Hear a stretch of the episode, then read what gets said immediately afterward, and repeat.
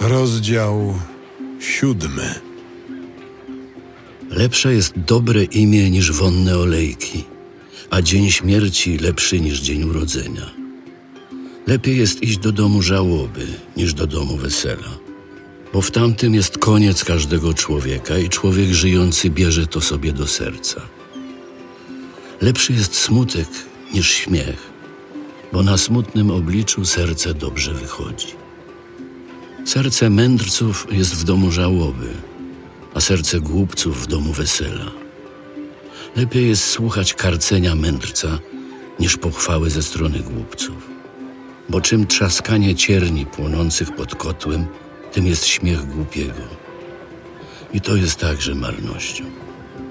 Bo rzecz przywłaszczona może ogłupić mędrca, a przekupstwo czyni serce przewrotnym.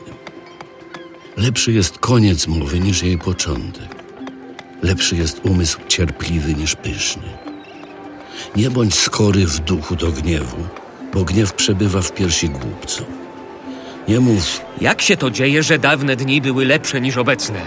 bo nie mądrze o to się pytasz.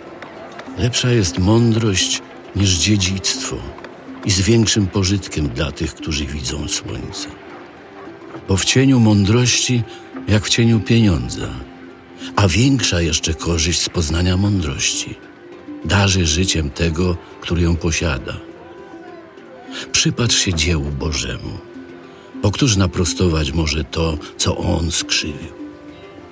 Gdy ci się dobrze wiedzie, ciesz się z tego, a wiedzie ci się źle, wtedy to rozważ.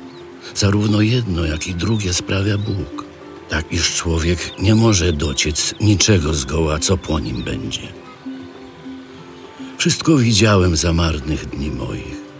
Tu sprawiedliwy, który ginie przy swej sprawiedliwości, a tu złoczyńca, który przy złości swej długo żyje. Nie bądź do przesady sprawiedliwy i nie uważaj się za zbyt mądrego. Dlaczego miałbyś sam sobie zgotować zgubę? Nie bądź zbyt zły i nie bądź głupcem. Dlaczego miałbyś przed czasem swym umrzeć? Dobrze, jeżeli się trzymasz jednego, a od drugiego ręki swej też nie odejmujesz. Bo kto się boi Boga, uniknie tego wszystkiego. Mądrość czyni mądrego silniejszym niż dziesięciu mocarzy, którzy są w mieście. Bo nie ma na ziemi człowieka sprawiedliwego, który by zawsze postępował dobrze, a nigdy nie zgrzeszył. Nie zwracaj też uwagi na wszystkie rozmowy, jakie się prowadzi, ażebyś czasem nie usłyszał, jak ci złorzeczy twój sługa. Bo często przecież, jak sam wiesz, ty także innym złorzeczyłeś. To wszystko badałem i miałem na uwadze mądrość. Mówiłem, chciałbym być mądry, lecz mądrość jest dla mnie niedostępna. Niedostępne jest to, co istnieje i niezgłębione. Któż może to zbadać? Zwróciłem swój umysł ku temu, by poznać, badać i szukać mądrości i słusznej oceny, by poznać, że zło jest głupotą, a wielka głupota szaleństwem. I przekonałem się, że bardziej gorzka niż śmierć jest kobieta, bo ona jest siecią, serce jej sidłem, a ręce jej więzami. Kto Bogu jest miły, ten się od niej ustrzeże, lecz grzesznika ona usidli.